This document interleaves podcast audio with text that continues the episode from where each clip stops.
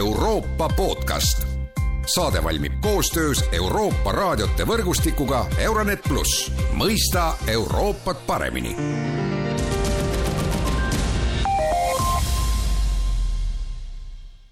tere jälle kuulama Euroopa podcasti. Ukraina sõda kipub muutuma uudisväljas igapäevaseks rutiiniks, kuid meie ei tohiks seda riiki unustada.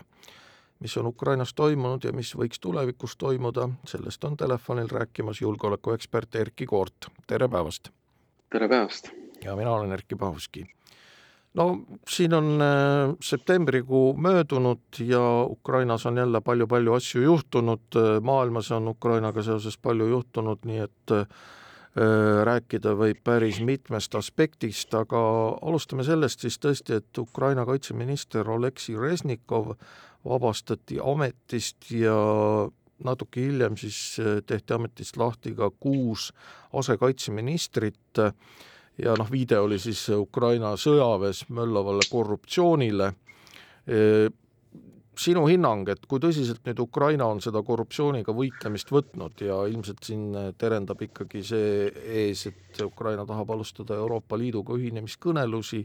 ja selleks, et Euroopa Liidu saada, tuleb ju korruptsiooni vähendada, seda me teame omastki käest. Ukraina on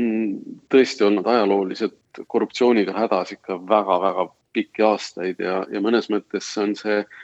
seotud riigi tunnetusega, et kuna Ukraina riigi tunnetus oli ikka aastakümneid väga nõrk, üllataval kombel üks tugev ühis, kodanikuühiskond, aga väga nõrk riigi tunnetus, siis see noh, on juurdunud põlvkondadesse, see riigi tagant äh, näppamine või käe sirutamine ühisesse kaukasse. noh, arvestades seda, et praegune president ametisse astudes noh, tegi, tegi siis sellise avalduse, et, et ärgu pandagu tema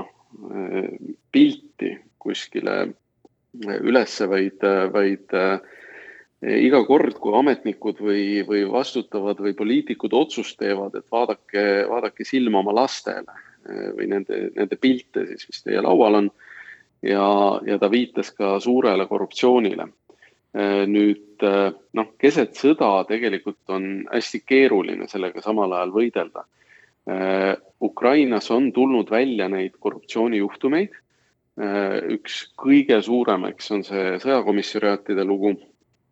kus sisuliselt noh, vabastati teenistusest kõikide sõjakomissariaatide juhid Ukrainas, kuna sai kõrvale hoida teenistusest, sõjaväeteenistusest. noh, pole mingit põhjust arvata, et Äh, teistes valdkondades on seda äh, kas siis korruptsiooni või sellist äh, noh, mõnes mõttes nii nagu alati on toimitud süsteemi ehk, ehk noh, lepitud lihtsalt mingis hankevõitjas kokku näiteks. Seda on, see on suur probleem Ukrainale, aga noh, tuleb tunnistada, et keset sõda on nad suutnud ikkagi Ehm, sellega tegeleda ja seda mitte ära unustada. nüüd äh, tulles selle kaitseministeeriumi juurde, siis noh, ei ole sugugi kindel, et kõik need asekaitseministrid või tegelikult Eesti süsteemis on nad noh, sisuliselt asekantslerid. Et nad vabastati teenistusest korruptsiooni tõttu, kuna noh, seal riigis on ikkagi need ametikohad seotud poliitiliselt ka ministri ametikohaga, siis, siis noh, ei ole midagi, midagi üllatavat sellest, et, et minister toob oma meeskonna, mis mõnes mõttes mm, ka sellist ühiskonna toimimist või, või sellist, et, et ma tulen, ma tulen igal juhul oma inimestega noh, mis, mis on korruptsioonis alati tegelikult korruptsiooni võimendav probleem, kui alati igal pool tullakse oma inimestega, vahetatakse kõik välja. noh, miks seda tehakse, tehakse selleks, et, et sa usaldad neid inimesi kelle sa valid. ja, ja äkki, äkki see eelnev inimene on, on kellegi teise nii-öelda toetaja no ja siit edasi Prantsusmaa ja Saksamaa avaldasid äh, plaani, kuidas siis Euroopa Liitu reformida ja noh, see näeb ette sellist äh, mitmeringilist Euroopat ja mille peale Ukraina teatas, et tema ei taha kuuluda teise ringi Euroopasse. no ma meenutan, et meie ise ju ka omal ajal, kui me Euroopa Liiduga liitusime, ka siis äh, ei tahtnud jääda sinna teise ringi. et mida siis sellest arvata ja võtta sinna juurde see esimene küsimus, äh,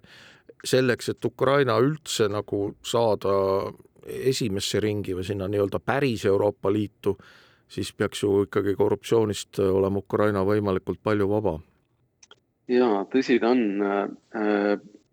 see on täiesti arusaadav, et Ukraina ei taha kuuluda teise ringi. noh, ma usun, et ka Saksamaa ja Prantsusmaa ise ei tahaks kuuluda teise ringi. Äh, kuigi noh,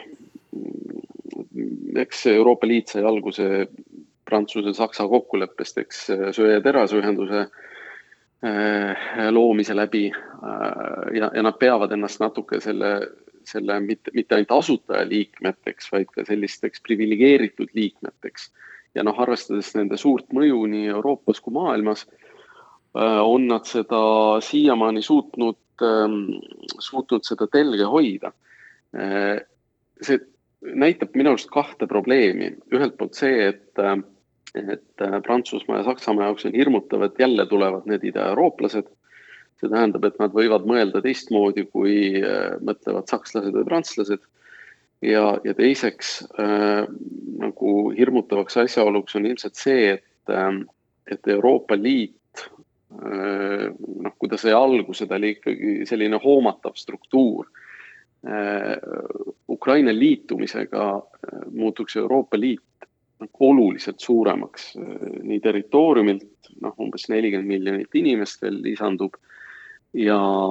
ja, ja kuidagi see arvamuste paljusus mulle tundub, et, et hirmutab sakslasi ja prantslasi.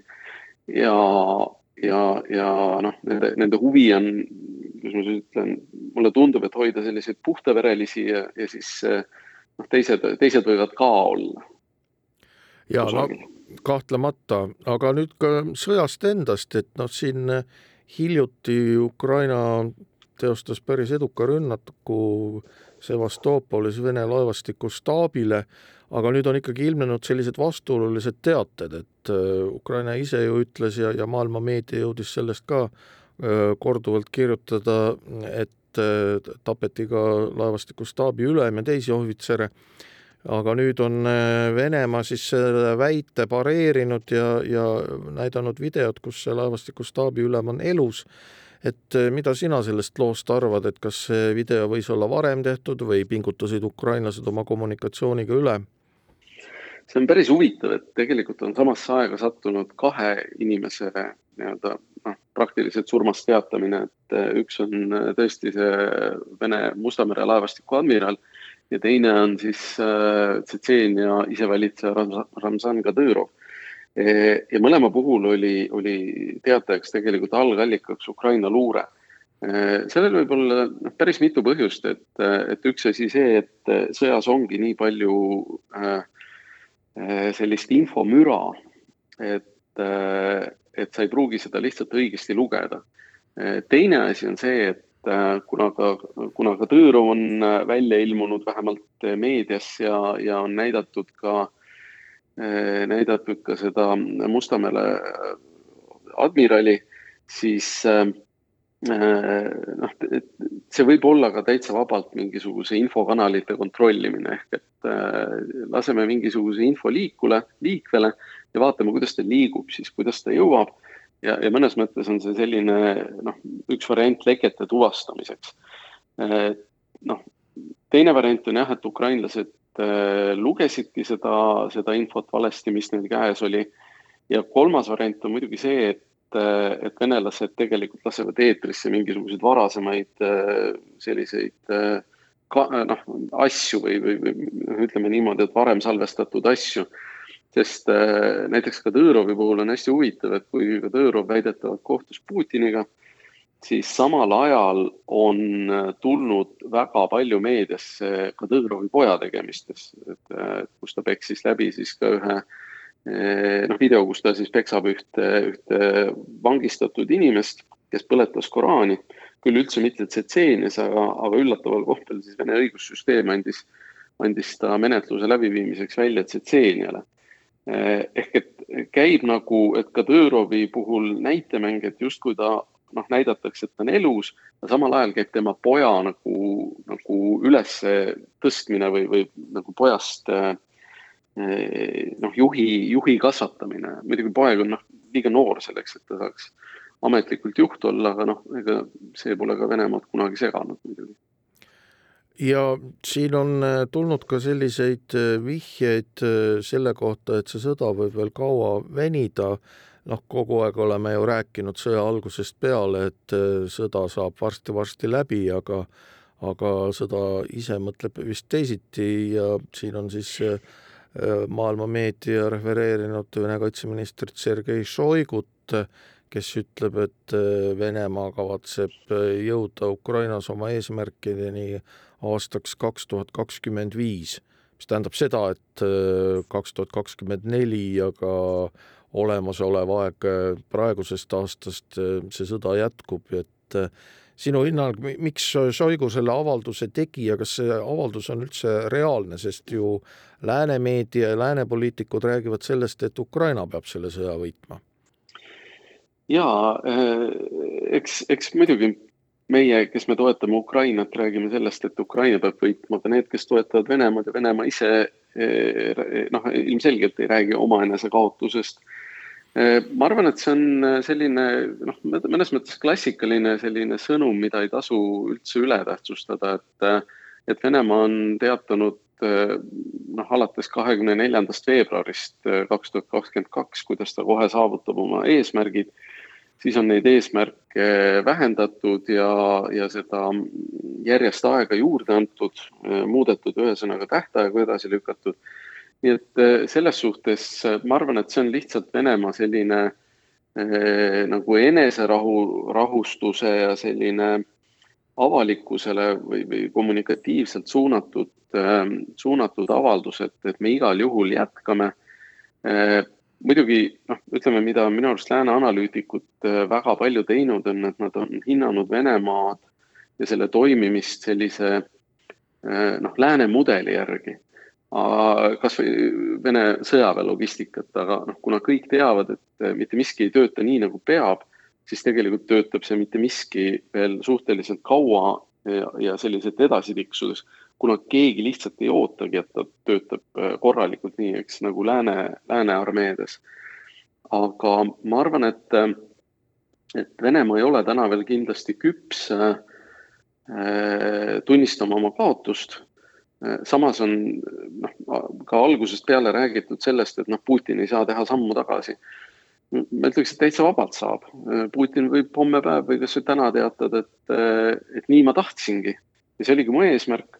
ja oht Venemaale on järgmiseks äh, kümneks aastaks kõrvaldatud, et äh, meie vahel on loodud puhvertsoon ja Venemaal äh, massid ei kahtlegi selles, et, et see oligi Putini eesmärk, tegelik eesmärk. et sest noh, et ega ei saa ju rääkida tegelikust eesmärgist, kuna imperialistlik lääs võib, võib siis ka teada saada ju nendest. nii et aga, aga ütleme nii, et ka noh, Venemaa rindeolukorda vaadates see võib, kõik võib muutuda ka väga kiiresti, et, et täna me ei tea, aga, aga noh, ütleme nii, et pikas, pikas sellises arutelus Venemaa kindlasti noh, on oluline teatada, et, et kaks tuhat kakskümmend neli me veel ka kavatseme kindlasti sõdida, kaks tuhat kakskümmend viis on meie eesmärk. Ja, ja noh, ilmselt on see ka natuke suunatud läänele, et, et noh, et ärge, ärge mõelgegi, et selle aja jooksul Ukraina NATO-sse saate kuidagimoodi võtta ja, ja võib-olla ka mõnedele poliitikutele, kelle puhul see horisont äh, lükkub nagu siseriikliku poliitika mõttes äh, talumatusse kaugusesse, abistamise mõttes. ja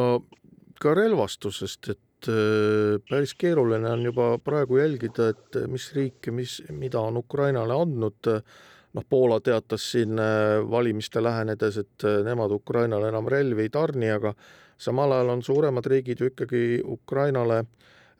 relvaabi äh, jätkuvalt andnud, äh, noh, ameeriklased lubasid pikamaa-rakette ja siis on mõned Euroopa riigid andnud Ukrainale ka äh, hävitajaid, F kuusteist näiteks, et sinu hinnang, et kuidas see võiks seda sõda mõjutada ja, ja kas, kas Ukraina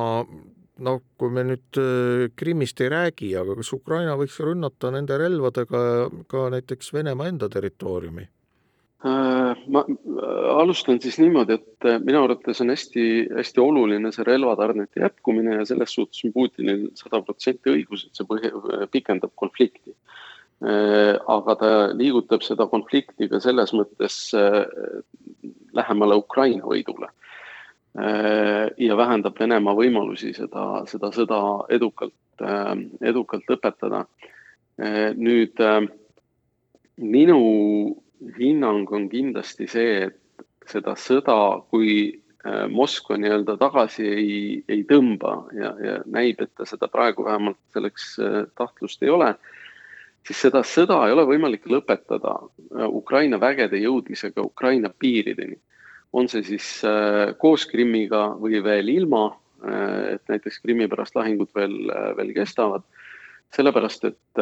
nendel riikidel on väga pikk ühine maismaapiir ja ilma sihtmärkide ründamiseta Venemaa territooriumil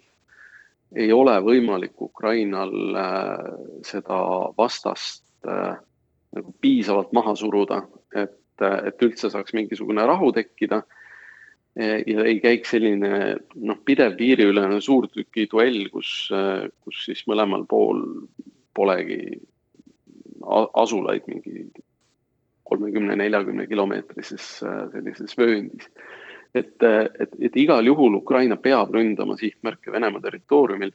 sest äh, muul juhul ei ole see lihtsalt äh, selle, selle konflikti lõpetamine või sõja lõpetamine minu, minu arvates mõeldav Ukraina peab seda vist läänele selgitama ja võib-olla ka siis meie peaksime seda läänele selgitama, et et kui te tahate rahu ja kui te tahate Ukrainat NATO-sse saada, siis noh, tuleb ikkagi anda Venemaa territooriumile mingisuguseid lööke. jaa, ma arvan, et see on ülimalt oluline ja, ja tegelikult on nii mõnedki riigid on, on teatanud, et nad ei, ei sea piiranguid.